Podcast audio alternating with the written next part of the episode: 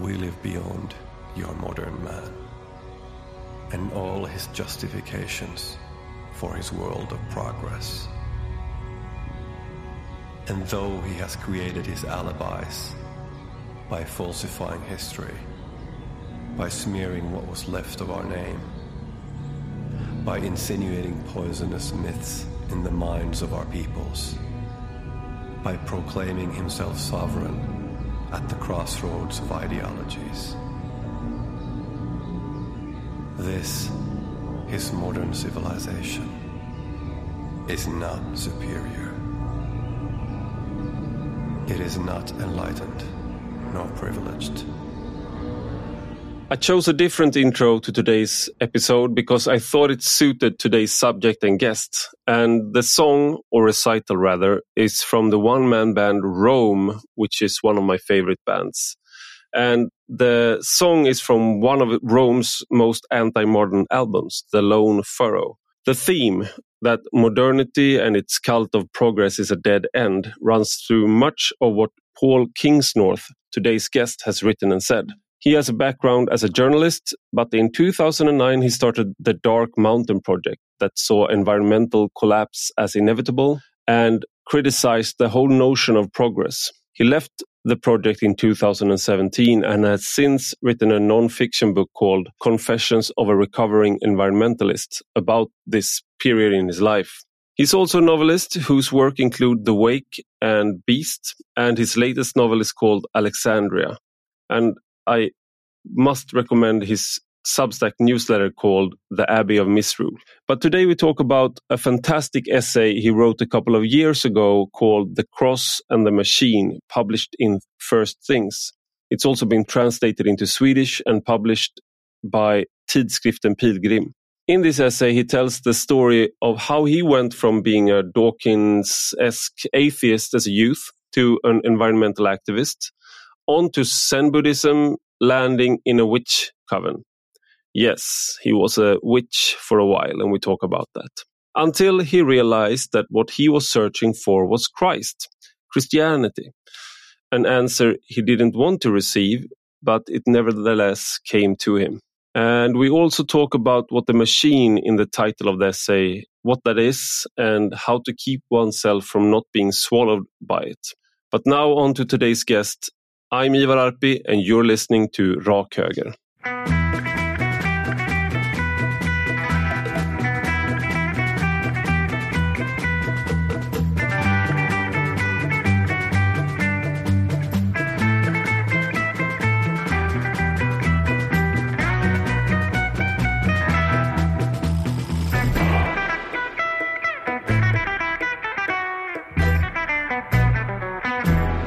Welcome, Paul Kingsnorth, to Rak Höger. Thanks for having me on. So it's a great delight to have you on, and um, I found you like you're, you're writing a long time ago, and you were involved with the Dark Mountain project. And I'm not sure if I was serious enough to really understand what you guys were doing, or if I just uh, felt that the name was really cool because I like fantasy and stuff. So so dark mountain project that sounds really cool uh, this i have to look into this but then uh, that's i think it's like 10 years ago or maybe more that that i saw you guys and you started in 2009 mm. and then i just recently came across uh, an, an essay you wrote which was which I then sent to uh, terrorized all my friends with. Uh, like, read this. This is great. This is great stuff, guys.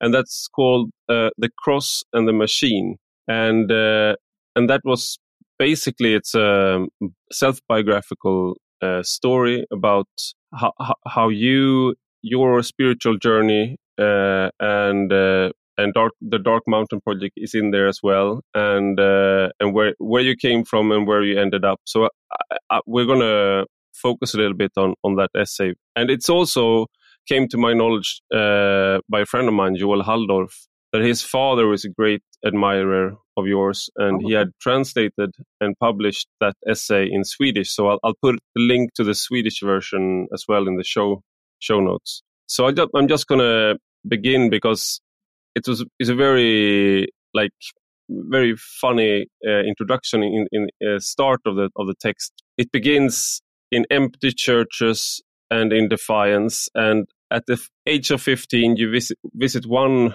uh, such pretty empty church with your schoolmates. And in the guest book uh, that they had, you write, I will destroy you and all of your works. Ha ha ha. And then sign it Satan. and uh, a few days later, you write that you, you came back with your friends and you did it again. And you wrote, Die, Nazarene, victory is mine. And when I read this, I laughed out loud. And I just felt that that could have been could have been me and my friends at that age. And I think many others in Sweden or England. And on the one hand, it's youth, youthful mischief. But on the other hand, it's not clear why the church is such an obvious object of that mischief in, in at least in Sweden and, uh, and England. So I just wanted to begin to ask you, do you, if you have an answer to why that is, uh, now that you're you're a few years older than than 15 now. Yeah, isn't it interesting? I, I felt like I should begin that essay with a bit of a confession. So at least I've got yeah I've got it off my chest now. I've uh, yeah. I mean, I think you're right. That's um, it's it's a teenage thing. Um, but yes, I mean, I think that the answer probably is that certainly back then, this was in the 1980s. Um, the church was, I mean, it didn't, in England, certainly, I don't know what it was like in Sweden, but in England, the church didn't really have any power or very much influence in the 80s. But it was still seen as the source of moral authority, or it was supposed to be. So, um, rebelling against the church was a bit like rebelling against your dad if you were a teenage boy. It was a thing you were supposed to do if you were pushing back against authority. And the church, for, for so long in the Western world, for a thousand years, has represented moral authority, or is, is supposed to have represented moral authority anyway. Um, and now that I'm older and I look back on that, especially with the writing I've been doing over the last few years, I've been trying to get to, I've been trying to dig into the, the question of why so much of our society seems to be coming apart and modernity seems to be hitting the buffers in different ways. And I think it seems to me now that the whole process of becoming modern in the Western world, going through the Renaissance and the Enlightenment and moving into the age of reason, science, humanism, that's really a rebellion against religion. It's really a rebellion against the human attachment to the divine, which is something that all human cultures have had forever, as far as I can see. And it's really only in the modern West that we've tried to build a culture that doesn't have a divine center to it. And so if we're in rebellion against religion, and I think we are, I think we're in rebellion against our previous moral authority, then that means in the West that we're primarily in rebellion against Christianity because that's our founding religion. And I don't think we know that. I just yeah. think it's a thing that's in the background all the time. So certainly when I was growing up, the church was just a sort of slightly toothless thing. I mean, I wouldn't have done that in the visitor book if I thought I was going to get punished. I just knew that the church was your, your hand your hand chopped There was going to be no trouble. Like I was not going to be burned at the stake because the church was already basically weak.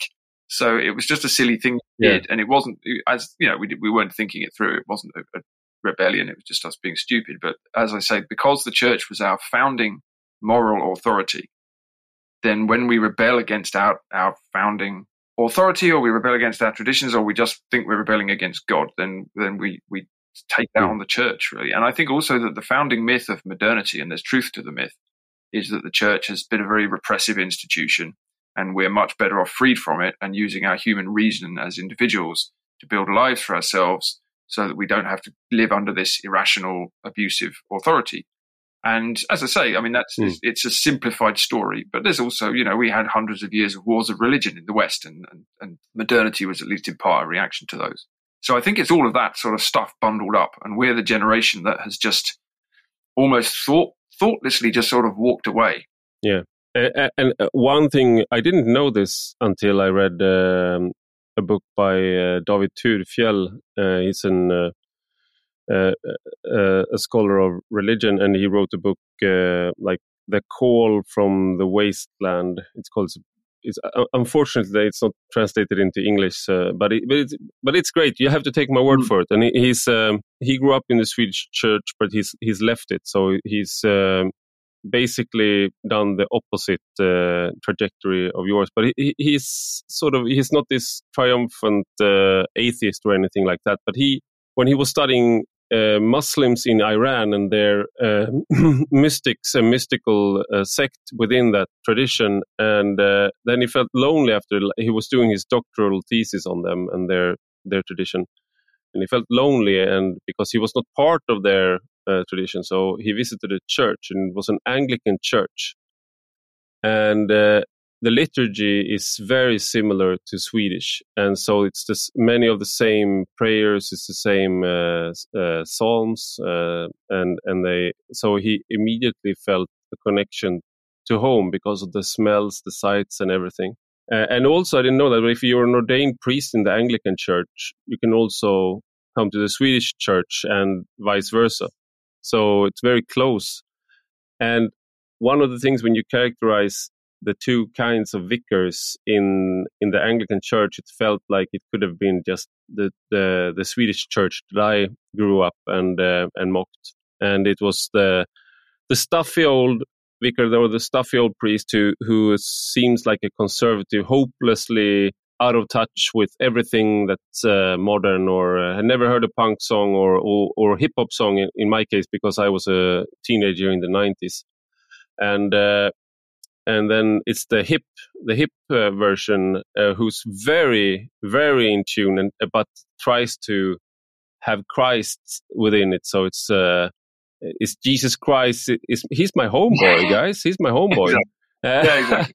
that, that kind. And you felt not it did either neither of them really helped you feel a connection to, to the church. And I, i'm a confirmed christian. And the only reason i did the, the whole the thing. I was 15 or 14.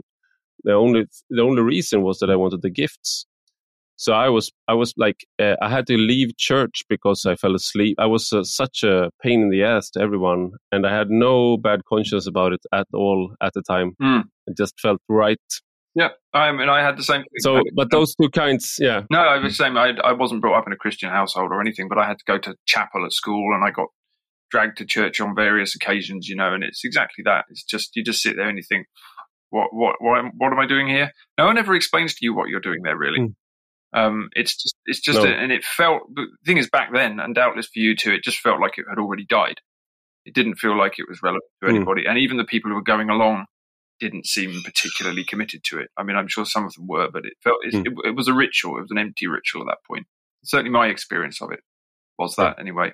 Yeah, and you went from um, in your teenage years, you developed in into what you describe as a Dawkins-esque uh, teenage atheist. So, what did that entail in your in in, in the Paul Kingsnorth uh, edition? It basically entailed me being an idiot. I mean, it just entailed me thinking I was thinking I was very clever at the age of about eighteen and imagining that nobody had ever heard my clever arguments against the, the, the, existence of miracles and resurrections and gods and the rest of it, and, and just just winding up anyone I knew who was religious. Not just Christian. My best friend at the time was Muslim, actually, so I would wind him up too. But that's interesting, you know, because I, I think I wrote about this in the essay. My best friend at school was a Muslim guy, and he was, um, you know, he was born in Britain, but he was he was Muslim, and he didn't really, you know, he didn't talk about it much, but it was very much him. And I remember going to his house one time and he's wearing his religious clothes that he's just come down from doing prayer. And I felt, I, I thought it was very weird and intimidating uh, because I had no real connection to real religion. And, and so this, knowing that my friend was very committed to this thing, it was, it was, I didn't understand what Islam was. So it, was, it felt very foreign. But there was also part of me that felt probably a bit jealous about it, maybe in the same way that your friend that you were talking about. Because I thought, well, here's a man with a living mm. tradition, right? Something's going on here uh, and I'm not party to it. Yeah, and, I, and so I do. I do remember that. So I would, but you know, I would, I would make stupid comments to him, and I would make stupid comments to my Christian friends, and probably born out of insecurity. But it's just the kind of thing you do when you're that sort of teenage boy, I think.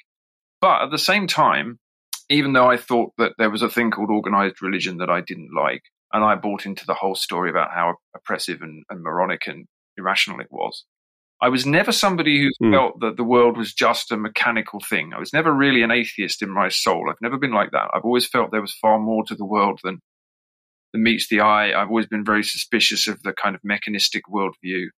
So although I was, you know, I had a couple of years of being a smug teenager, I, I never, even at the time I was reading Tolkien and getting very carried away with the possibility of what the other world was, you know. So, so I've always, I think I've always had strange. That that's how that's how that's how Christianity gets you. Yeah, yeah, no, absolutely. You, you, really you does. Think, you, you think you're reading about a, a small hobbit who's carrying a ring, and uh, all the while. Exactly. It's yes. it's working its magic on you and, and, and converting you, even unbeknownst to you. I think that's true. I think that's true, and I think that you either have a you know you can have a religious sensibility without having any contact with religion, and then you can spend many many mm. years, or in my case decades, wondering what that sensibility is and what you can do with it. And it took me until I, I was in yeah, my late forties to come to Christianity, which was something I never thought I would ever want to do. But surprisingly, that was the mm. thing that answered the questions I'd had all my life. I want to also because there are some elements in in your particular worldview that uh, has uh, roots in other ideologies or or uh, viewpoints, and uh, you were an environmental activist for a long time, and uh, so and, and also that that's also very visible in the dark mountain project that i began uh, we began talking about that, that that you you had that background. And uh, so what made you get into that and how long was it? And what made you not consider yourself an environmentalist anymore well, I think we could come back to that religious sensibility or spiritual sensibility, if you want to use that dread word. Um, I think when I when I was young, I was taken on a lot of holidays by my dad, a lot of long camping holidays, walking in the mountains for many weeks on end, and camping in quite wild places, as wild as you can find in Britain. Um, and that had a big influence on me. I grew up. So basically, like like me going to the store here in Sweden. Yeah, exactly. Yeah, you see. yeah, yeah, it wouldn't yeah. it wouldn't count as wild. It wouldn't count as wild to a Swede, but to to me, it was very wild. Oh. So um, wild enough. You're wild enough. Wilder than where I grew up, which was suburban yeah. London and suburban southeast of England. So you know, you go up onto a mountain and you camp and and you walk for days. And this was the yeah. 80s. This was the 80s, right? So you had to you go up onto a mountain. You're really on a mountain. You haven't got your smartphone with you or your GPS device. No, you could you could still get lost up there. And, and and not speak to mm. people for days, and that was that was pretty that was a big deal for me. But it was it was very we did it we did it for over a long period, and I found myself very connected to the natural world. I always have done. I don't know why. Um, and so that was um, that was something that was very much part of that sensibility. And so when I became a student, uh, be- became politicized as students do, became quite sort of radical. And at the time, there was a big environmental movement, big direct action movement in Britain, particularly um, a lot of people uh, working to stop road building across landscapes that were very old or beautiful. Lots of people digging tunnels and living up trees and setting up camps. It was pretty pretty radical and exciting. So I joined in that, and I, I found a way of fusing a kind of radical politics with with my love of nature. And for me, that was that was the driver of it. And this was long before the kind of mainstream green movement as it is now, where we're all talking about net zero and solar panels, and it's all become very corporate. This is this was still to me as a student kind of exciting and radical, and it felt like I could do something to protect nature, and it felt. Uh, and then you start investigating and you start asking yourself why we live in a culture that destroys so much of the natural world. And you start talking about capitalism and industrialism and profit and growth and progress and all of the other kind of stories you go up with, and you start to question them all. And that was really how I spent most of my 20s, all of my 20s, really, either, either writing about that, environmentalism, globalization, anti capitalism, either writing about it or getting involved in activism around it, or both but it was the, the politics was always, you know, I was very op- opinionated and highly political, but the politics was always driven by that same sensibility, that sense that there was something. I would never have used the word sacred, but actually that's what it was. There was something that was more important than I tell you what it was. It was like growing up in a society with a, with a bunch of values. Because although my, my dad took me walking in the hills, he was also a businessman, and he would teach me. Uh, he would he would just teach me about profit and growth and capitalism and how wonderful the whole system mm. was and how I should how I should get on in it. Um, and I just despised that worldview. And again, that was an intuitive dislike. It wasn't mm. rational. I just hated that that worldview that measures and and rationalizes everything and destroys beauty because it can't turn a profit. Um, and I still hate that.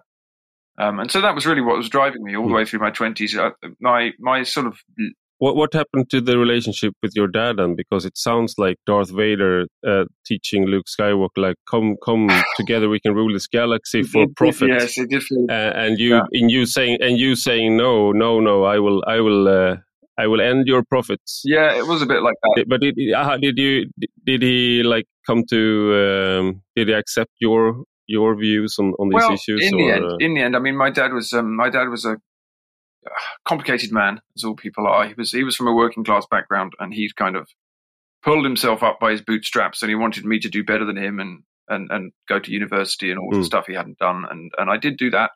But then when I got there, I started to become an activist and and become a sort of anti-capitalist radical, and this was really not what was supposed to happen. So we had a lot of clashes. Um, he didn't really understand what mm. the hell I was doing, and I didn't like his his way of seeing, but he'd always known that. We, I mean, he he died quite a while mm. ago, but we did. You know, he he came to accept it in the end. I think particularly when I started writing books, he saw that I could make a living out of it, and I was doing something that he regarded as respectable. So that was kind of okay. But but again, it's sensibilities. You know, my mm. dad, uh, he had a, he actually did have a great love of nature. Otherwise, he would never have taken me on those walks. So I think he had mm. similar mm. sensibility to me, but he would not really have talked about it. Men of his generation didn't talk about that sort of mm. thing. So I think it was there, but cool. he'd he'd made a living through. You know, he'd worked very hard in his life, and he'd had to had to work hard to get where he was, and he wanted to pass that on to me, and he couldn't really understand why I rejected that. You know, he he thought I was just throwing it away. Um, but yeah, as I say, it's just you know, it's that sort of stage in your life when you're pulling away from your dad anyway as a man, and you you tend to have these clashes. I think, and that, ours was pretty fiery for a yeah. while, but yeah, it, it was it was sort of. I think he came to understand it. Even he came to accept it, even though he never quite understood it. I think. Did you uh, n- naturally stop because you uh, got tired of uh, doing activism? Like I mean, it's a problem for all activists, and that they get older and then they might find a uh, a partner and have kids and uh, and a job even, or or did it was it more of an ideological like process for you? Like you, uh, this is not for me anymore. Yeah, I think it was a bit of both, really. I mean, you, you do get older. You can't be a 25 year old activist anymore, and your politics matures, and you see more of the world, and, and things start to be, look a lot more black, grey than black and white that's just natural. But also, um, I mean, I mean, I've, I've, written a fair bit about this many years ago now. I came to see that the environmental movement mm. that I'd become part of was changing. Um, and it was changing primarily into a sort of uh, very mainstream, very corporate, very streamlined thing, the kind of thing it's become now. And at the same time, being colonized entirely by uh, the kind of the, the, political left. I mean, it had always been a bit of a left wing movement, and I was a, a, bit of a lefty too back in the days. But it had become very partisan, and it, also, at the same time, curiously, as well as being very left wing, it also became very corporate. It's a strange combination. So it became this thing that it's become now, where it almost feels like the the soul of the environmental movement, the the people who loved nature and wanted to protect it, and also wanted a fairer world for people that sort of died. I mean, there are still a lot of people doing that, but the, the, certainly the mainstream of the thing has just been sucked into an endless discussion about carbon credits and and how how many wind farms we're going to put up on the mountain. And and I felt like it had completely what had happened was environmentalism, which had originally challenged the whole of the industrial system and said, look, the, the progress the, the progress of modernity is the problem here, guys. It's industrial society that's the problem. Uh, had, had basically been castrated and turned into a movement of people who want to talk about carbon and what kind of radical technologies you can use to to make modernity sustainable, basically. Uh, and I didn't like that, and. I hmm. didn't identify with it, and I still don't. But the thing that drove me in the first place is still here. I still have that love of nature. I still want to protect it. I still I still think a lot of environmentalists do a lot of good work, but I don't think. I mean, you know, I'm mm. older, and the movement I was part of is not there anymore. So mm. I sort of I, I, moved away from that for a few different reasons. I think.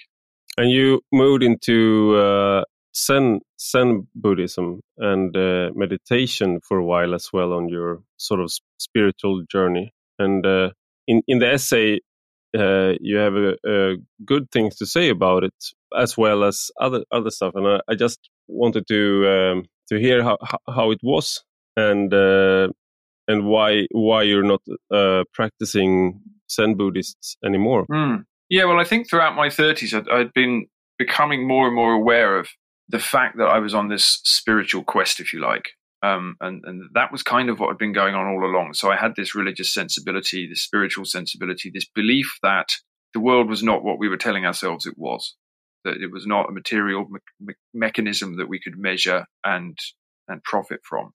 That had driven me into politics, and then it drove me out of politics and activism and into culture. And I started asking what's wrong with the culture, and then if you dig down through the culture, you get to the thing that's below the culture, which is always the spiritual foundation of life, actually. And I started to realize that I thought, anyway, that we're in a spiritual crisis. Really, we've lost our our sense of connection to anything bigger than us.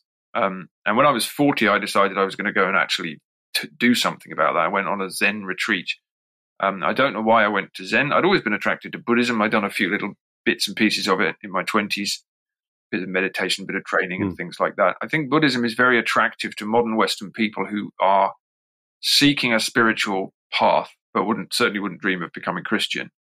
Um, Buddhism is very accessible in the West. It's also very accessible to the modern mind because it's quite self-centered, not in the not in the negative sense, but it's very much about it, it if you get it wrong, it can become a self-help path. That's actually not what it is, but you, you can do it like that. And Buddhism doesn't have any. You can download download yeah. one of the one of the apps and do your meditations on the train. Mm, and, uh, mindfulness to make you more of an yeah. efficient businessman. That's the kind of thing that we do now. Yeah. But it's also Buddhism doesn't have the baggage of Christianity. It doesn't have the cultural baggage because we don't know anything about what Buddhism did in the in the East, or we don't feel that it's you know for Western people it we can go into it clean almost.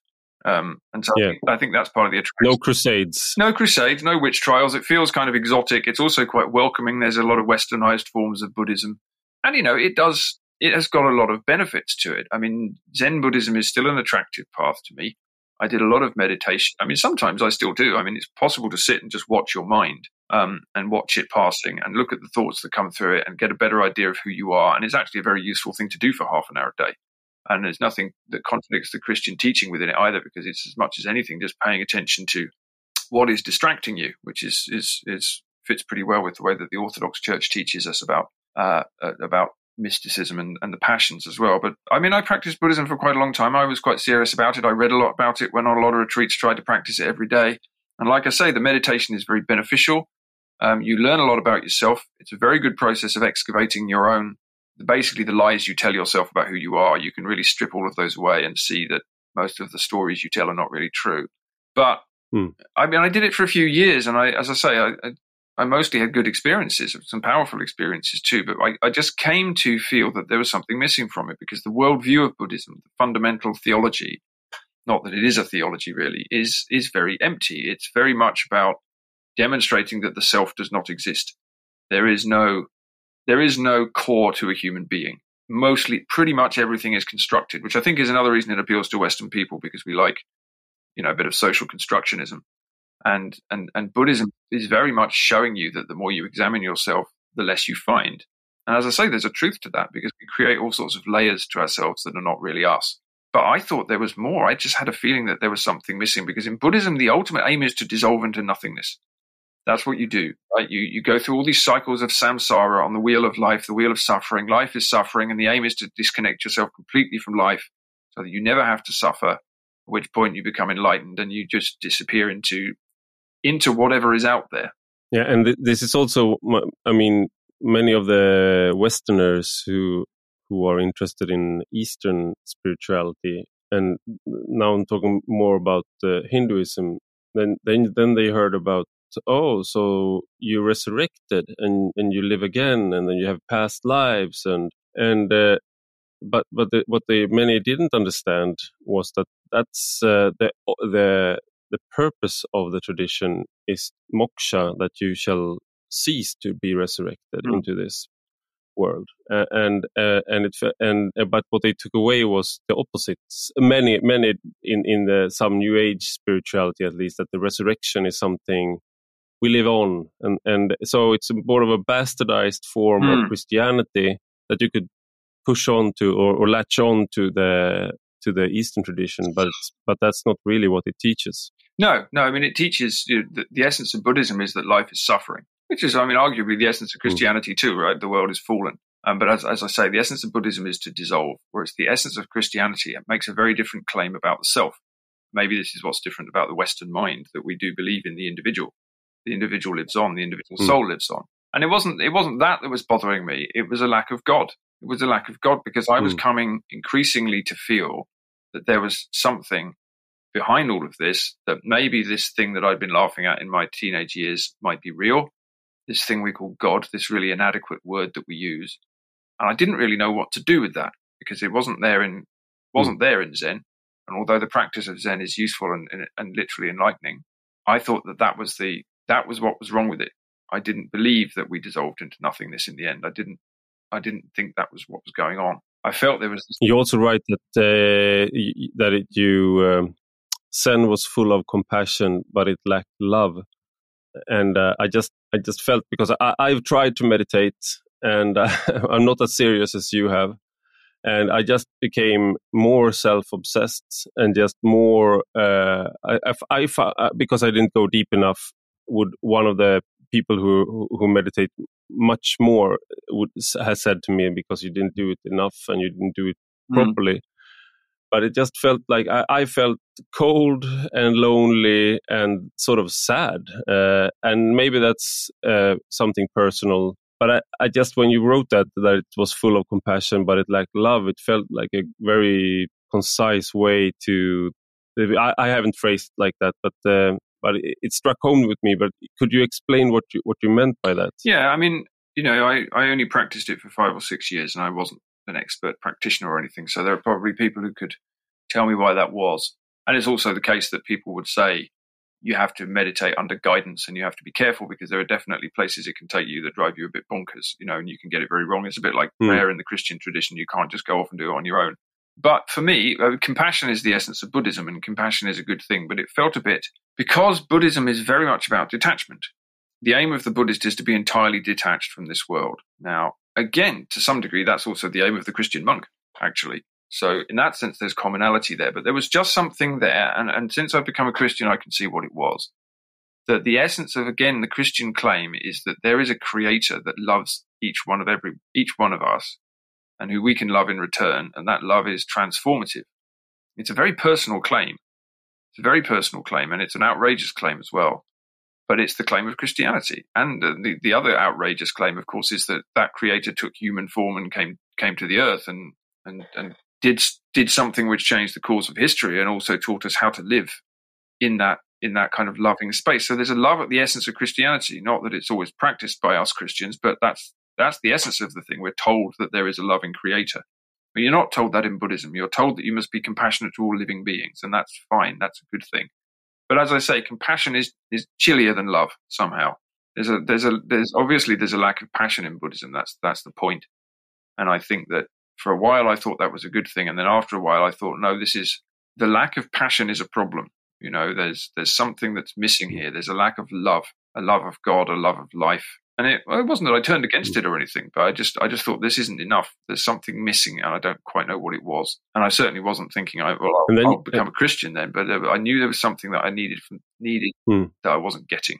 And then you, because you, it sounds now when we're talking, and uh, I know it's not meant like that. It sounds like you went from Zen Buddhism to where you are now, but you had a, you, you took a detour from Zen Buddhism into uh, Wicca, and uh, as someone on the outside, uh, and you, you say as much in your essay uh, that it's it, it is a constructed religion from parts of the pre-Christian pre-Christian traditions, and uh, it just and and for uh, for the layman, you you become a, a, a witch when you enter a, a covenant, so to speak. And um, but you you have quite it's not you're you're not ridiculing it in your in your essay. It's very it's one of the things that um, uh, stands out in this essay is that uh, you are mocking yourself quite a bit, uh, but you're not mocking the traditions you enter. Uh, so, uh, but could you describe then what is the attraction of Wicca and uh, and and what what did it entail? Well, I think that um, I think that for me, I was on this spiritual search. I'd gone through Zen I thought I was looking for God. I wanted to worship. That's what it was. And I was very uncomfortable about that because, hmm. because I was still a Western individualist and we're not supposed to worship. We don't do that. We're, uh, we're free thinkers and, and, brave rebels and the rest of it. But I, I, was, I got the sense that I really needed to sort of bow before God. That's what I thought. And I thought, I really don't know how to do mm. that. So I wanted something that had more of a sense of deity. You know, there was, there was something to work with, to look towards, to pay obeisance to. It wasn't just this sort of quite empty world that, that Buddhism seemed to present to me. Um, and uh, because also I had this love of nature, which was still there, I thought, well, you know, I, I, maybe I could find a nature religion. Maybe I can worship God through nature. And so I sort of wandered around in the undergrowth of neo paganism for a bit, did a few, uh, did did a couple of retreats, sitting on the hills for a few days, not eating any food, and learning about mythology and looking into druids and all the rest of it. And basically, it's it's interesting. This I don't mock Wicca, although I wouldn't. I would strongly recommend that everybody stays away from it now. Certainly as a Christian, because I think the forces that people are playing with in Wicca, usually unintentionally, are not good forces. Um, and I didn't realize that at the time. I mean, it's not as if people going into this are devil worshippers, but I think they end up opening up spaces that they don't realize they're opening up. So I would stay away from it very much. But at the same time, the people who go into all of these new age things, they are people on the same spiritual quest that I was on. They're lost Western people like we all are. And they think I need God because I, I believe we can't live without God fundamentally. We can't live without the divine, but we don't know where to find it. The Christian church isn't really helping us in the West. So where do we go? Maybe we become Muslims, or maybe we go to Vedanta, or we go to Zen, or maybe we become Buddhists, or, or, or Druids, or Wiccans, whatever, depending on what we like.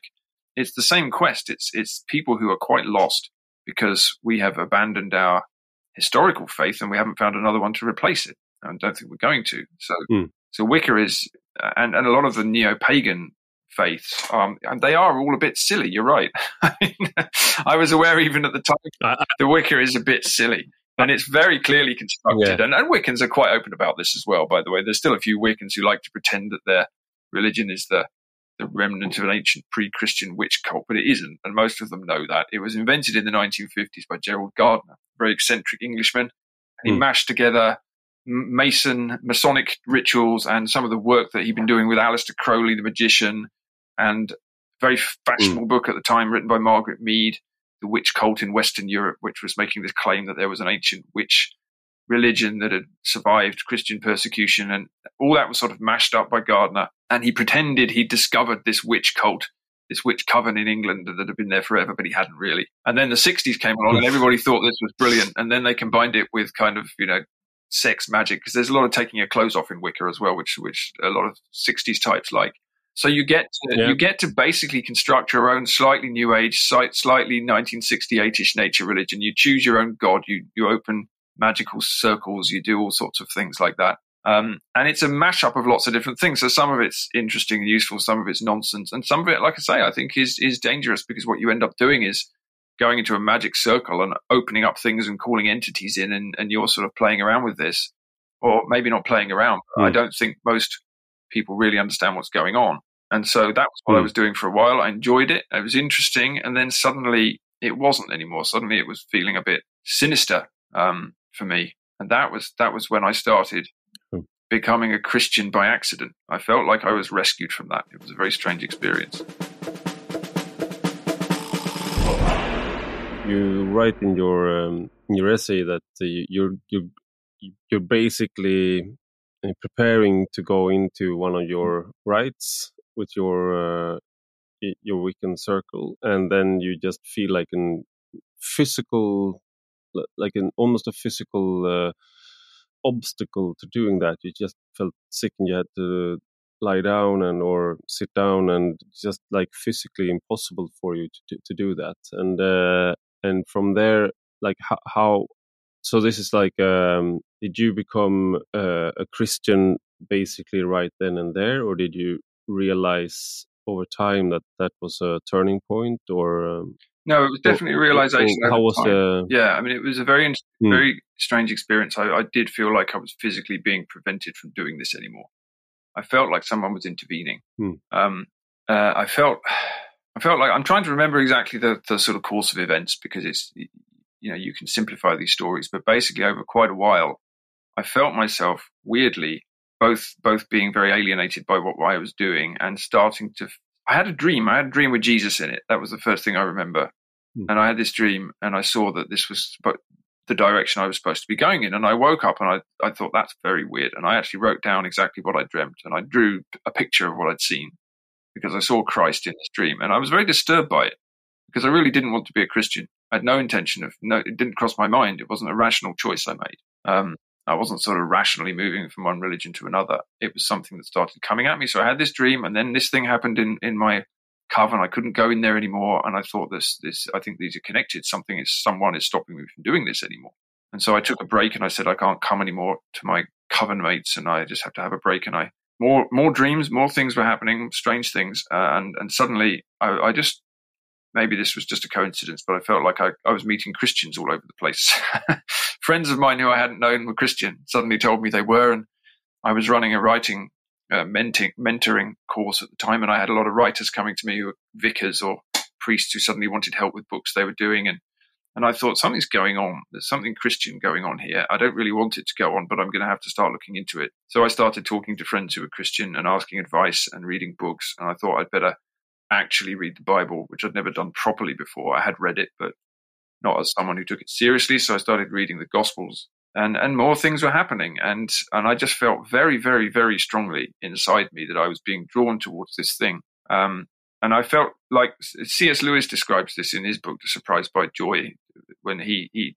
I can't remember exactly the phrase he uses. I use it in the essay, but he said I was basically being inexorably drawn towards an encounter with him who I radically desired not to meet. Right. So I felt like, yeah. And this is one of the reasons I think Christianity is true because I didn't want it to be. Right. The other things I'd done, whether it was mm. Wicca or Zen or anything else, I'd gone into them because I thought this looks like it could give me what I think I need. It looks interesting. I'll go and do it. Christianity, I felt like I was dragged into almost not against my will because you always have free will, but certainly to start with, I was resisting it. But it was happening.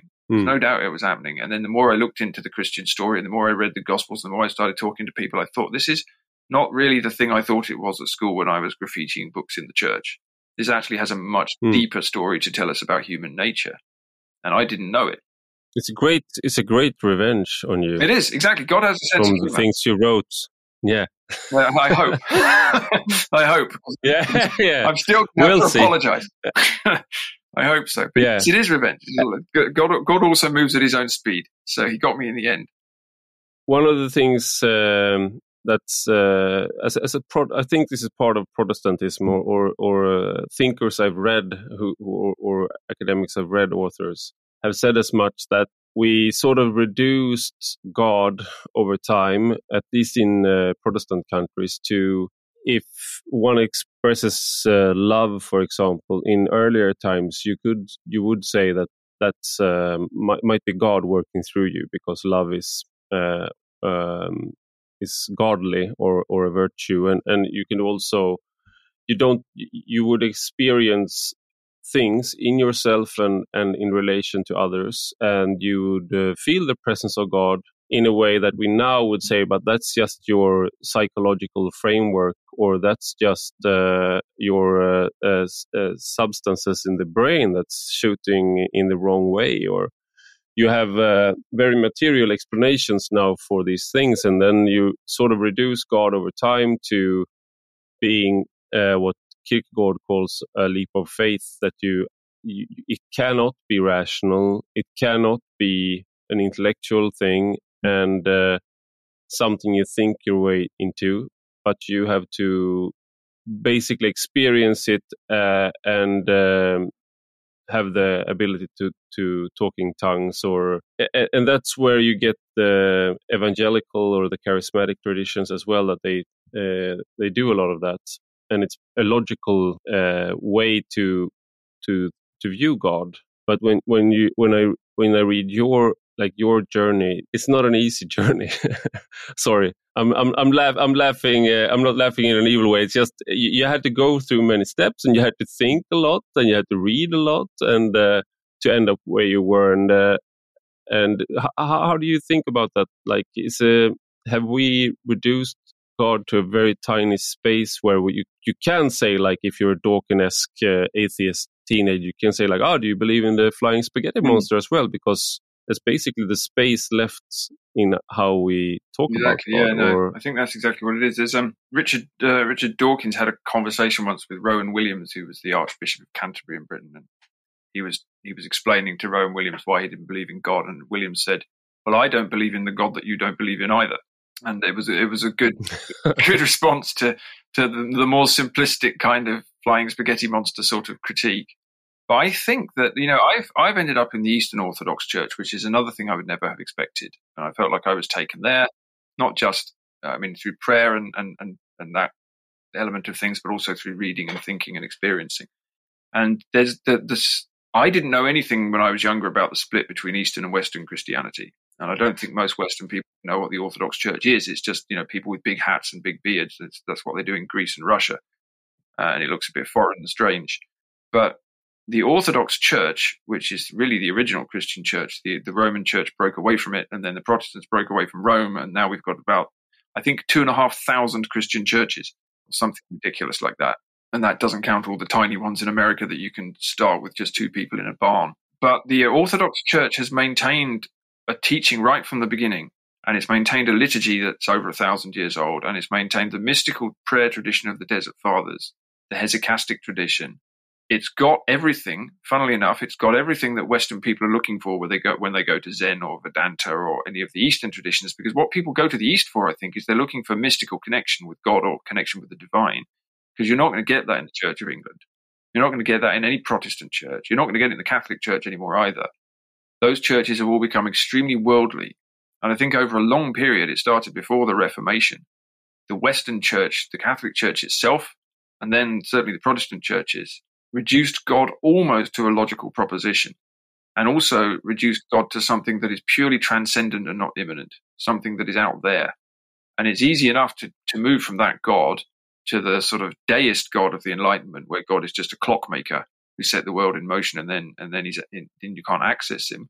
And then it's easy enough to move from that to saying, well, maybe there isn't a clockmaker. Maybe the world is just a clock that evolved by itself, and yeah. that's where we are now. So the whole process, you could start with sort of William of Ockham, and you could go all the way through probably 800 years of Western history. Ends up with removing the whole process is removing our mystical relationship with God and turning it into almost an intellectual proposition. And that was the Christianity I grew up with. I think that God is a, is a, is a sort of thing out there somewhere, and you can't really connect with that thing, whatever it is. Doesn't intervene in the world, doesn't get involved in the world. Uh, his son did come down 2,000 years ago, and he'll come back at some point, and, and here's what he told us to do. So we just read that book every Sunday. But it didn't feel like a lived experience at all. And when it did feel like a lived experience, it was just as a set of kind of moral teachings. You know, here's how to be good here's what you mustn't do. Don't do these things, you'll go to hell. Do all these things, and you're a good Christian. And that's well, that's fine. They're, they're just moral teachings, but it's it's unclear why you need Jesus to give you those moral teachings if that's all he's doing. And so you end up with this very deracinated version of Christianity. And so in, in, when I found Orthodoxy, I discovered that the essence of Orthodoxy is connecting the heart to God. It's a very mystical faith. It's very much about what's called theosis, union with God the notion that you can connect yourself to God's energies in this world and transform yourself and be be transformed rather, not transform yourself through the through the, the prayer and through the liturgy. And it's very lived and it's very unashamedly unapologetic in talking about miracles and uh, and and living saints and uh, the presence of the devil and all of the things that Western Christianity is very embarrassed to talk about. Pretty much all of the things the Reformation removed in the West are still there in the East only without the centralization of the Roman Church. So, you know, the Orthodox Church has got plenty of its own problems. Um, it's not, not to be idealized, but there's something in it that, to my mind, is our, is our Christian inheritance in the West that we've lost progressively over years. Um, because for the first, first could, thousand I mean, years of Christianity, oh, yeah, sorry. Uh, sorry, the first thousand years of Christianity, there was no Orthodox Church or Catholic Church or anything else. It was just the Church. So mm. I, I do feel that, that that kind of heritage is is our heritage too, and I find that really exciting a few sentences in the in the essay that I I identify as pretty orthodox, and it's uh, you write the cross holds the key to everything. The sacrifice is all the teaching. I am a new and green pupil. I can talk for hours, but ideas will become idols in the blink of an eye. I have to pick up my cross and start walking. And I just those two last sentences is uh, ideas will become idols in the blink of an eye. Could you explain what that means and maybe after uh, what it means to pick up the cross and start walking?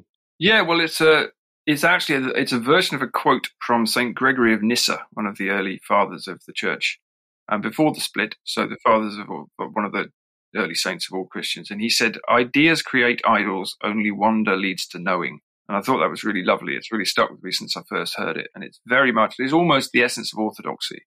But as I say, this was, this was before there was a split between East and West. So this is the inheritance of a very particular strand of mystical Christianity, which you can certainly find in the West as well. Um, ideas create idols. And it seemed, I think I liked it because it told me about a lot of what I've been doing wrong in my life. Um, it's very easy, especially if you're an intellectual sort of a person or a person who likes thinking and reading like me and probably like you as well, um, to be very connected to ideas, to be excited by ideas, be excited by philosophy, to look for answers. That's what the curious mind does. But you can turn it into an idol. You can turn your philosophical idea into an idol.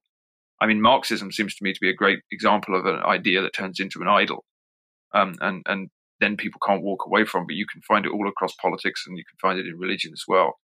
And St. Gregory is saying, look, it's wonder that leads to knowing. It's not ideas. It's not, it's not trying to work out the perfect philosophy. It's not even theology. It's experience. It's the wonder, the wonder of, of God in creation, the wonder of God himself, the wonder that you might experience through prayer. And so it's very experiential. And this is, and again, this is the essence of mystical Christianity. It's very, the theology is important, the church is important, the structure is necessary, but ultimately it's about experience. That's what you're looking for. You're looking for that union with God. That's what you're trying to walk towards, and that's mm. what Christ is teaching you to do. So when we say picking up the cross, obviously this is this is the work of all Christians. We're supposed to carry a cross. That's what Christ tells us to do. And what that means is that you have to suffer on the journey. You know, whatever your particular cross is, everyone has a different one. It's not an easy life being a Christian. It's not supposed to be comfortable. And I think maybe that was something else I reacted against in, in my childhood as well, that Christianity is very, or was, certainly in Britain, you know, it was the establishment faith. So, so it was a very comfortable middle class faith, and you could easily combine it with your nice career and your big house and your establishment job.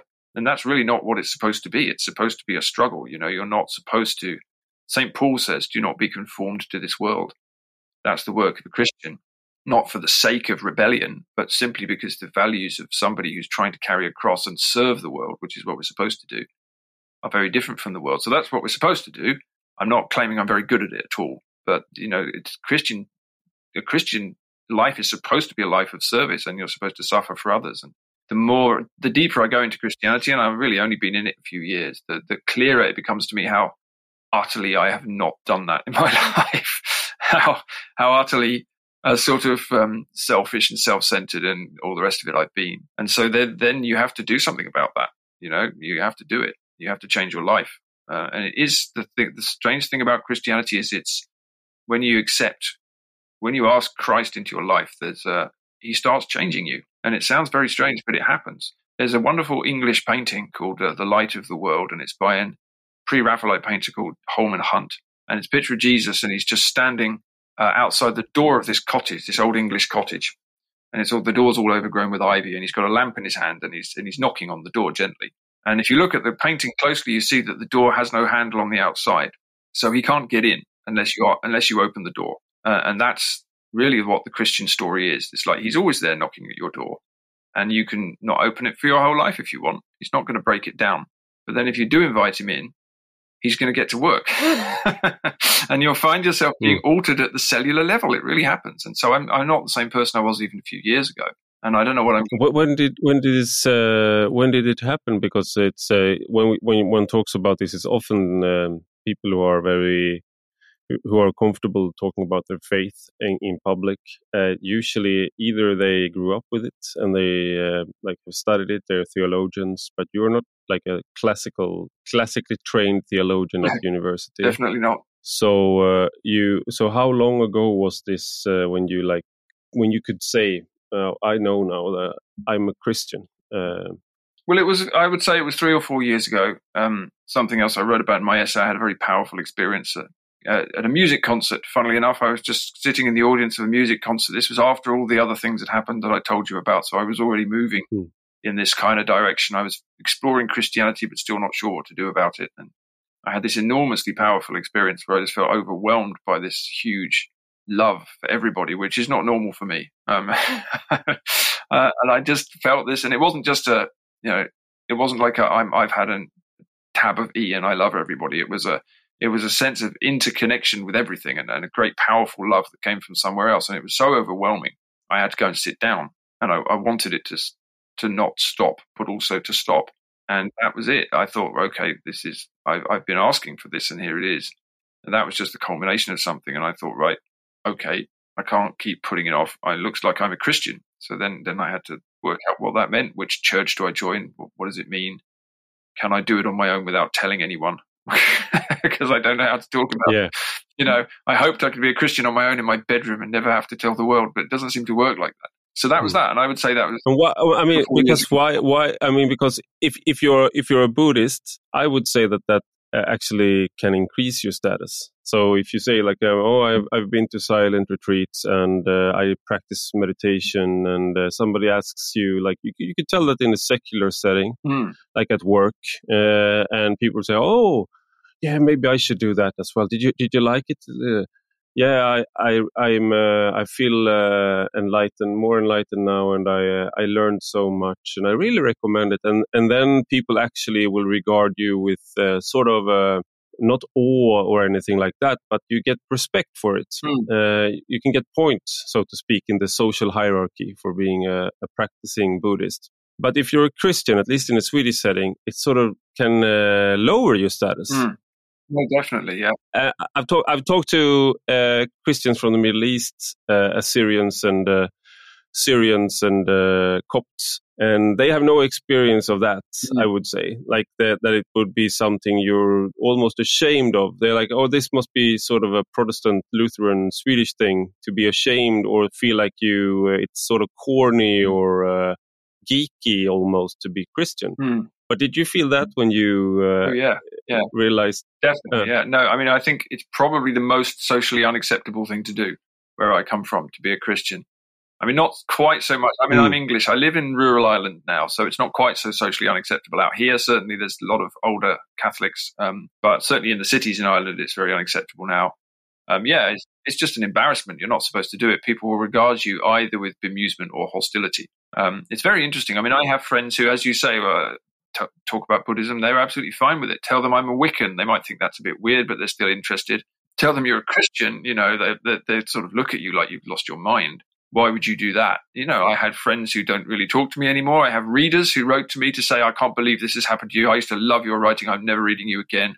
You know, this is terrible. Yeah, I mean, I have. I've gained a lot of other readers who are interested in my writing since, but you know, they're definitely you get a you get a definite push away. I mean, I don't want to pretend you're you know I've been a martyr or anything, but it's just it's regarded now as a weird and unacceptable thing to do. And I think if you go back to this idea that we are in rebellion against our own culture, we're in rebellion against our own religion, then Christianity mm. in the modern in the modern mind in the West is supposed to be something we left behind. And we tell ourselves this story that it was a purely oppressive force that abused women and burned witches and launched crusades and never did anything good. And aren't we? and believed the world was flat. Yeah, I believed the world was flat, and everyone, nobody was a science scientist, and nobody was rational. Everybody was crazy. And aren't we so lucky to have freed ourselves from this yoke? And that's the story. That's the Enlightenment propaganda that's still extremely strong in our culture. And so people just think you're bonkers because they've been brought up to believe that Christianity is a dangerous, oppressive, irrational thing. But somehow that doesn't apply to any other religion, as you say. And that's because it's our heritage that I mean, if you grew up in Southeast Asia, you might find Buddhism very oppressive. It's you know that the, the history of Buddhism has been quite brutal in some ways, in, in, just as Christianity has. But because it's not our culture, it doesn't seem that way. Um, so it's exactly that. It's a very socially unacceptable thing to do now. you don't get status points. You would have done hundred years ago, but you don't now. There is something that I, I'm not the first to comment on this, but I've come I've, I've come across uh, many contemporary thinkers who recognize who recognize uh, the void left behind by Christianity's withdrawal, as you, you're you're talking about, like our our rebellion against our own heritage, uh, and and they are not the triumphant atheists like Dawkins, Hitchens, or Daniel Dennett, but they are more mournful about it. And uh, one example is Douglas Murray, who bemoans uh, that he he what he says he can't believe, but he he wished he could.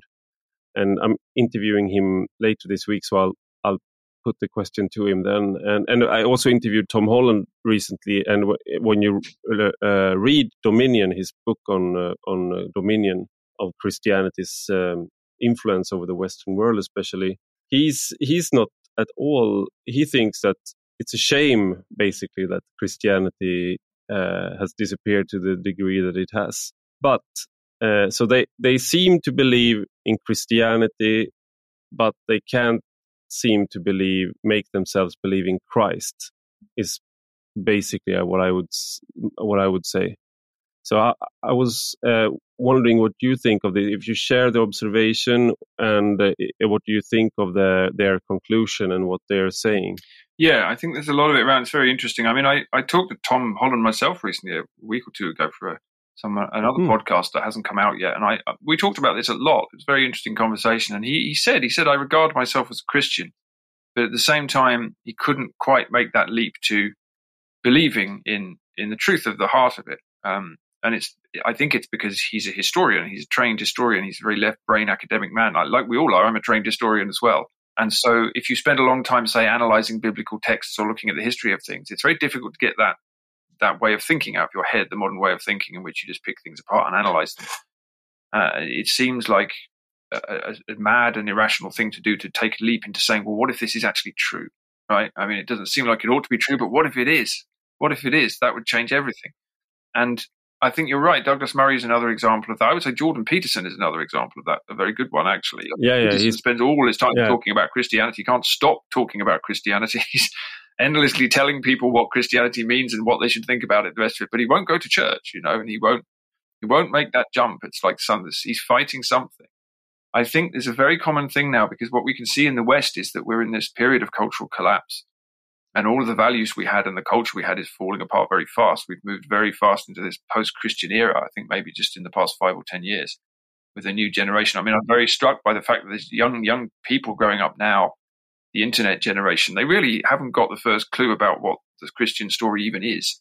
Uh, you know, it's, it's very striking to me. I'm 50 years old. I went to school at a time when as I say, most people weren't really Christian, but still, I learned the Lord's Prayer. I got had to hear, sit and listen to parables. I, I knew the basic outline of the story. I know what the loaves and fishes are. I know the famous stories that Jesus tells and why he tells them, even though I didn't believe it. So I've got that cultural background, but the kids today growing up in, in Britain, they don't have it really. Um, so they don't even know what this is. And so the, the whole culture is shifting very rapidly into something else. And a lot of people, especially more conservative people, can see that the essence of the culture that they value is Christianity. But as you say, often they can't actually commit to it. So you get this sort of strange thing called cultural Christianity, where they want the they want the outgrowth of Christianity, but they don't want the thing at the heart of it. But you can't have that. You know, you can't. You can't. Why? Do why? Why don't you think you get me? I, I because I'm. Uh, I'm one of those. Uh, I would describe myself at at least for the longest period of time, like a cultural Christian calling myself that and uh, maybe calling myself ag- agnostic. Mm. For a while, I didn't uh, because I felt that uh, it was more honest to say atheist. But then I started calling myself agnostic again, and also i am certainly labeled as a conservative, even though there is a what I what I find in conservatism is sometimes uh, perform performativity, so to speak, that you you uh, almost like a cargo cult that you you know the planes that came to the Pacific mm. Ocean during the Second World War, and then they came with what what was called cargo by the by the locals, the natives. And uh, but then when the wars when the wars stopped and the war stopped, the, the planes stopped coming. So they built like landing lanes and mm. like so that the planes would come back with cargo. But they didn't understand the mechanics of how the plane why the plane came and it's so, sort of condescending perhaps to these natives but i mean uh, it's very hard to uh, understand the causal mechanism of stuff. And uh, and i feel like sometimes the conservatism that i've been a part of and i'm surely a part of now it's sometimes sort of a cargo cult of a christianity uh, the way it was before. So you want all the things and the good traditions but you you won't go to church and you won't but but you can do like a thumbs up to people who do who do go mm. to church like very good very good. That's very good for the traditions i mm. like. Yeah you see the problem with that is that the, the attachment there is to the tradition and not to the thing that built the tradition. And the purpose of christianity is not to build a tradition or to create a culture that you might like or to create a beautiful church building or lovely hymns. I mean i love all those things as well. I love the particularly the culture of, of English Christianity and English parish churches and evensong and these things. Even though I'm not Church of England, that's you know that's meaningful to me culturally. But the purpose of Christianity is to transform you and fill you with grace and bring you closer to God and follow, make you Christ-like. That's what you're trying to do. You don't follow a religious path because you want to create a culture. The culture is incidental. English Christianity, British Christianity, Western Christianity, they happened as a result of any number of historical circumstances, some of them good and some of them bad. But they happened because huge numbers of people were passionate Christians. I mean, if I look at the history of hmm. Ireland, where I live, in, uh, in, in, in the early centuries of Christianity here, there were 400 monasteries in this island. It was called the Island of Saints. There were far more monasteries than there were towns or villages. Um, that, that, almost every hundred yards you would find a, a saint living in a cave or a bunch of monks on an island or a new monastery. And these people were passionate about this faith and prepared to die for it. And that created a Christian country over time. But they didn't come here saying, right, we need a Christian culture, let's do that. They don't start from worldly things. Mm. I think it was Chesterton who said something like, I'm, going to get this wrong. He said something like, if you aim for the world, no, it was, it C.S. Lewis, wasn't it? He said, if you aim for if you aim to work in the world and hope to get heaven thrown in, you're not going to get either of those things. But if you aim for heaven, um, you'll create something special in the world as well. And that's what the Christians did. So you can't have anything called cultural Christianity without Christ, any more than you could have, say, cultural Islam without wanting to genuinely believe in Muhammad and, and the revelation to Muhammad. You can't do that because you're sort of LARPing, really. Mm. Like you say, it's cargo cults. Yeah. A cult, I think that I mean, the conclusion I think I've come to here with all the writing I've been doing over the last couple of years is that every culture on earth has always had a spiritual core, and it's the spiritual core that creates the culture. Whether it's the smallest tribe or the biggest empire, there is there is a there is a connection to the divine at the heart of it. So you can't go out there saying, "Oh, I'd like to have a Christian culture, please," because I don't like the new culture. You can you can just be a hmm. Christian mm. or not. It's up to you, but but you certainly don't get to have a Christian culture without Christians. That's not going to happen. Yeah.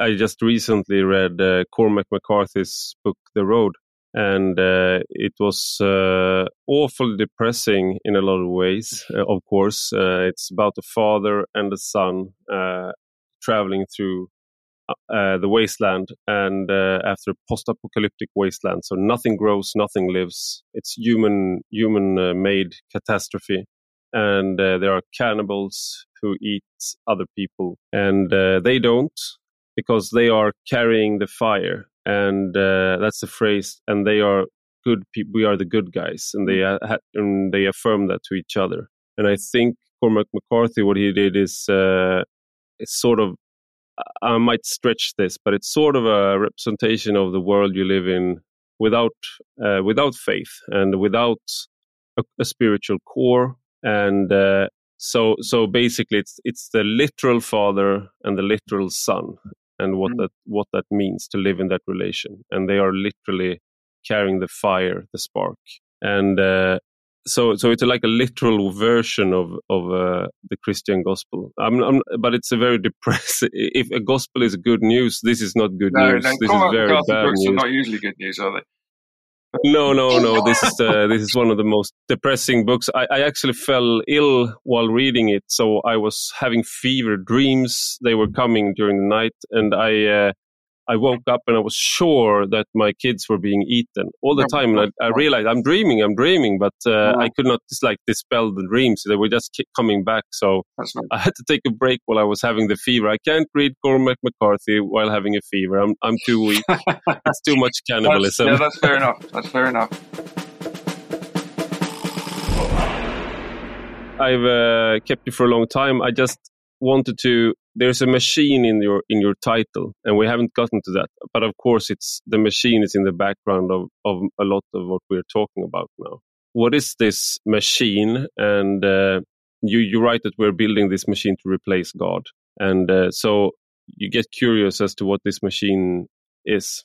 Yeah well the machine is really a word for the it's a it's a shorthand for the the technological structures of modernity. It's a it's a shorthand that a lot of greater writers have used. I borrowed it from D.H. Lawrence and R.S. Thomas and George Orwell and others, certainly in the early 20th century, who could see this rising technological society, interconnected technology, mm. um, hugely industrialized, very centralized, very rationalistic. Uh, it's effectively it's the it's the manifestation of the modern project. And I think in the age of the internet, in the 21st century, we can see it everywhere. We're all completely controlled by machinery. We can't take our eyes off screens. It's very difficult even to function in society without access to the internet. And we're starting to think like. I mean, I mean, when we we, we try when we started the podcast, we had problems with the audio and the video. Mm-hmm. So uh, it, it, was just proving uh, that the machine really knows more about us than we want to, and just trying to, to physically hinder us to have this conversation. I, would say, I, I wouldn't be surprised if that were happening. Yeah, I mean, look, you know, you can see what's yeah. happening with, say, the creation of AIs now. Just in the last few weeks, you've had these chatbots popping up that have.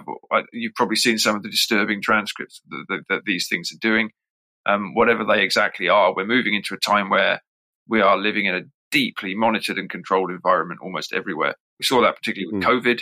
Um, COVID was a real eye opener for me, the way that we could be digitally monitored and controlled and vaccinated and propagandized, you know, over uh, in an incredibly mm. intense way over a very short period of time with no consent or discussion at all. It was, it was very mm. literally apocalyptic. That it was it was very revealing, and we can expect a lot more of that kind of thing. So this is the machine, and I think that the machine, as I say, it is what we build when we're trying to create a world by ourselves. I mean, the Christian story is that we can't do anything without God. We can have our free will, and God has created us with free will, and so we can do what we like, but we can't live a full life without God because He has to be at the center of everything. So if we go off on our own and we do what the serpent told us to do in the Garden of Eden, which is eat the fruit of the tree of knowledge of good and evil, so that we can become as gods, in other words, we start to build our own world.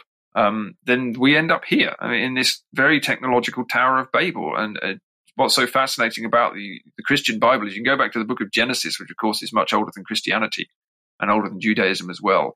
And you can see pretty much the whole human story laid out there. You can see a rebellion against God, the creation of technological society, the collapse of the tower, the first murder, um, what happens when you break communion with God and creation. You end up you know, in this fallen, broken world, and uh, you keep trying to make mm. a covenant with God and then breaking it again and going off and worshiping idols and you know all the rest of it. And it's pretty much the story of the whole of human history, as far as I can see, in a book that's about two and a half thousand years old, and it tells you what it tells you what we are.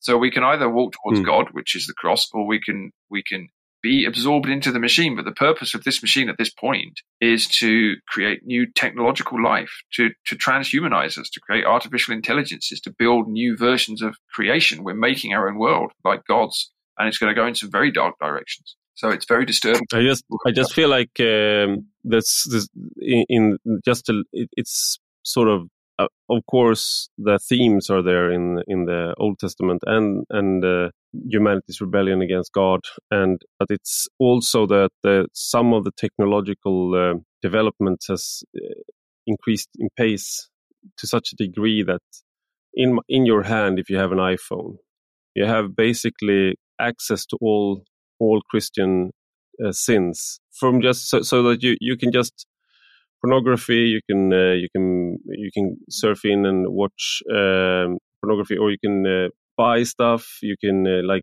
just indulge yourself in whatever, and you could uh, you could also take away focus from uh, people you are you are there to uh, take care of, like your kids. You can put them in front of screens. You can alienate yourself from.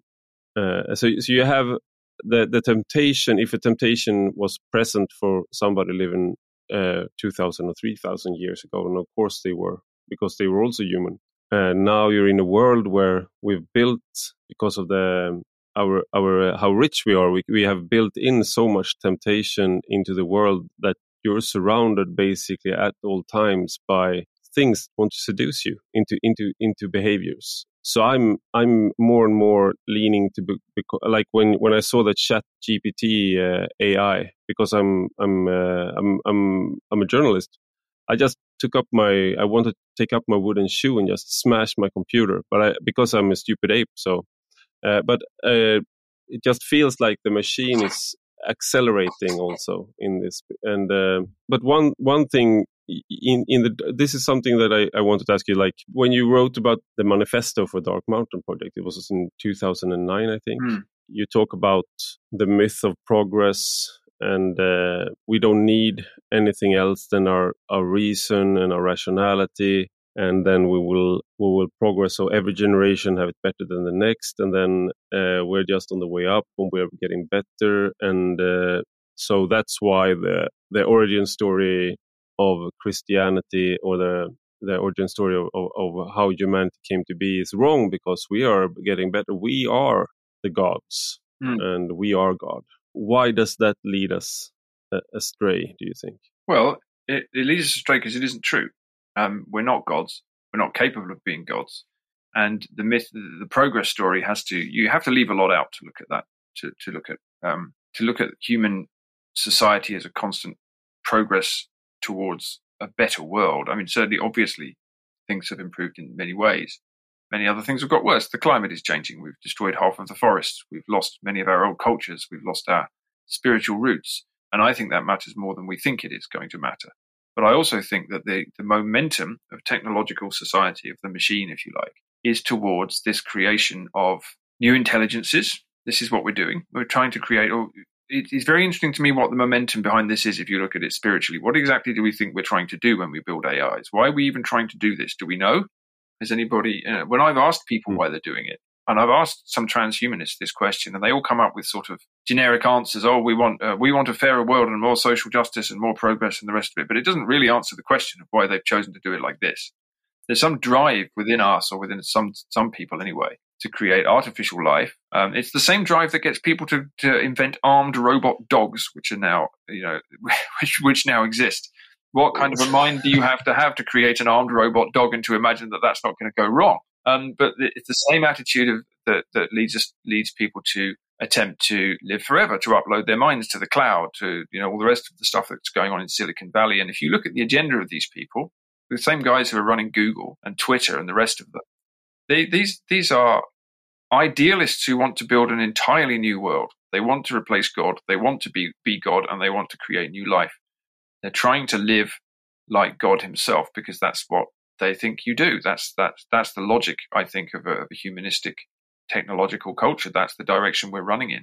I think you have to be pretty naive about humanity to imagine that that's going to work out well. But I also think it's the, it's the manifestation of the original rebellion. We can either live as God intended us to do in, in some form of harmony with, with each other and nature, or we can you know we can either live to serve or we can live to control. That's that's the cross and the machine. So that's that's how it seems to me, and that was that was why it was shocking to me to discover that Christianity had a had a story to tell me that made a lot of sense in terms of where we were going now. It has an alternative future for us, um, and that's been quite an exciting discovery. So, what is to be done then for for us? I mean, um, I, I, you you linked to a, a text from another. Uh, you also have Substack, and I will link to it. And you also you link to another Substack, and now I forget the name, but where he wrote about how uh, many of us will still have to live within the machine, mm. uh, so to speak. So uh, we are using uh, internet now, and I mean, uh, so uh, and you will work for big corporations because you have to get money to feed your kids and everything. but how, how can you then? How can you live in a way to not be so much a part of it, or preserve something that's as you say, more more in line with how we should live? Yeah, well, it's the big question, isn't it? And everybody's circumstances are different. I mean, you know, I don't have a smartphone, for example. I'm never going to have one. Um, so that's one one of my answers. I don't have mm. any social media, but I'm still here on the internet. So um, it's a question of how you can maintain your sanity and how you can maintain control. I think of yourself um, if you find you, you you know you sort of know when the machine is controlling you, like you were saying before. You know when you're addicted to your phone. You know when you're scrolling through stuff you shouldn't be. You know when you've got a life where your children spend more time on the screen than, than talking to you. And it's the, the, the whole. It's very difficult because the entirety of society is designed to make us do this. If you think about it this way, the, Christ, the seven deadly sins in the Western Christian tradition are now all profitable and, and extremely encouraged. Every single one of them right? There's money to be made in every single one of those. They've all been monetized, and we're surrounded by screens and temptations and and and these kind of pushes and pulls every day. And it is very difficult. Not many people can afford to escape it. And even if you can, you can't really escape. I mean, I've got I've I've I've got friends who live in off-grid cabins with no electricity, and they still can't book a ferry ticket without finding an internet connection somewhere you know, it's almost impossible to live without it. So you just have to set up your own boundaries and decide what they are. Uh, and I, you know, I would strongly recommend that people don't have social media and they don't use smartphones. And that, you know, there's any number of things you can you can do, but it's it, it depends on what your circumstances are. Some people can't avoid these things. Most of us can't. So you just have to set your boundaries. And and I also think that a, a sane spiritual life, understanding what's going on and having a practice, it's certainly in Christianity a practice of prayer and going to the liturgy regularly and having a Christian community around you is is the thing that's going to keep you sane. Actually, that's what that's what carrying the fire looks like to me. One way of doing it, anyway, because we're all carrying the fire through this machine world now. this world of kind of lies and dishonesty and and very dangerous direction of travel. And so we have to carry a fire. And it's not as if Christians haven't done this before. You know, they had to survive the Roman Empire. Um, all we're in now is a kind of giant technological version of the Roman Empire on, on, a more global scale. So, but I mean, I would say honestly that the central thing for me has been has, has been my religious change, my having a prayer life and, and a kind of spiritual focus. That's the thing that keeps me sane. And, and that if you have that as your center, then that is what helps you to see what you can and can't do and should and shouldn't do. That's what gives you the kind of guidance, I think, to, to work out what compromises you make, because we all have to make compromises all the time. Thank you Paul Kingsnorth for being part of Rak Höger. Thanks for having me on. Och stort tack till dig som har lyssnat. Gå gärna in och skriv en recension på Apple Podcasts eller i den app där du lyssnar på podden. Och detta är alltså en del av en större publikation på Substack med samma namn som podden. Och den som prenumererar där kan även ta del av de texter jag skriver. Gillar man det man läser och hör får man gärna bli betalande prenumerant för 5 euro i månaden eller 50 om året. Då får man ta del av lite exklusivt extra material också. Du hittar rubbet på ivararpi.se. Och har du några frågor eller synpunkter kan du alltid mejla mig på ivararpi Vi hörs igen.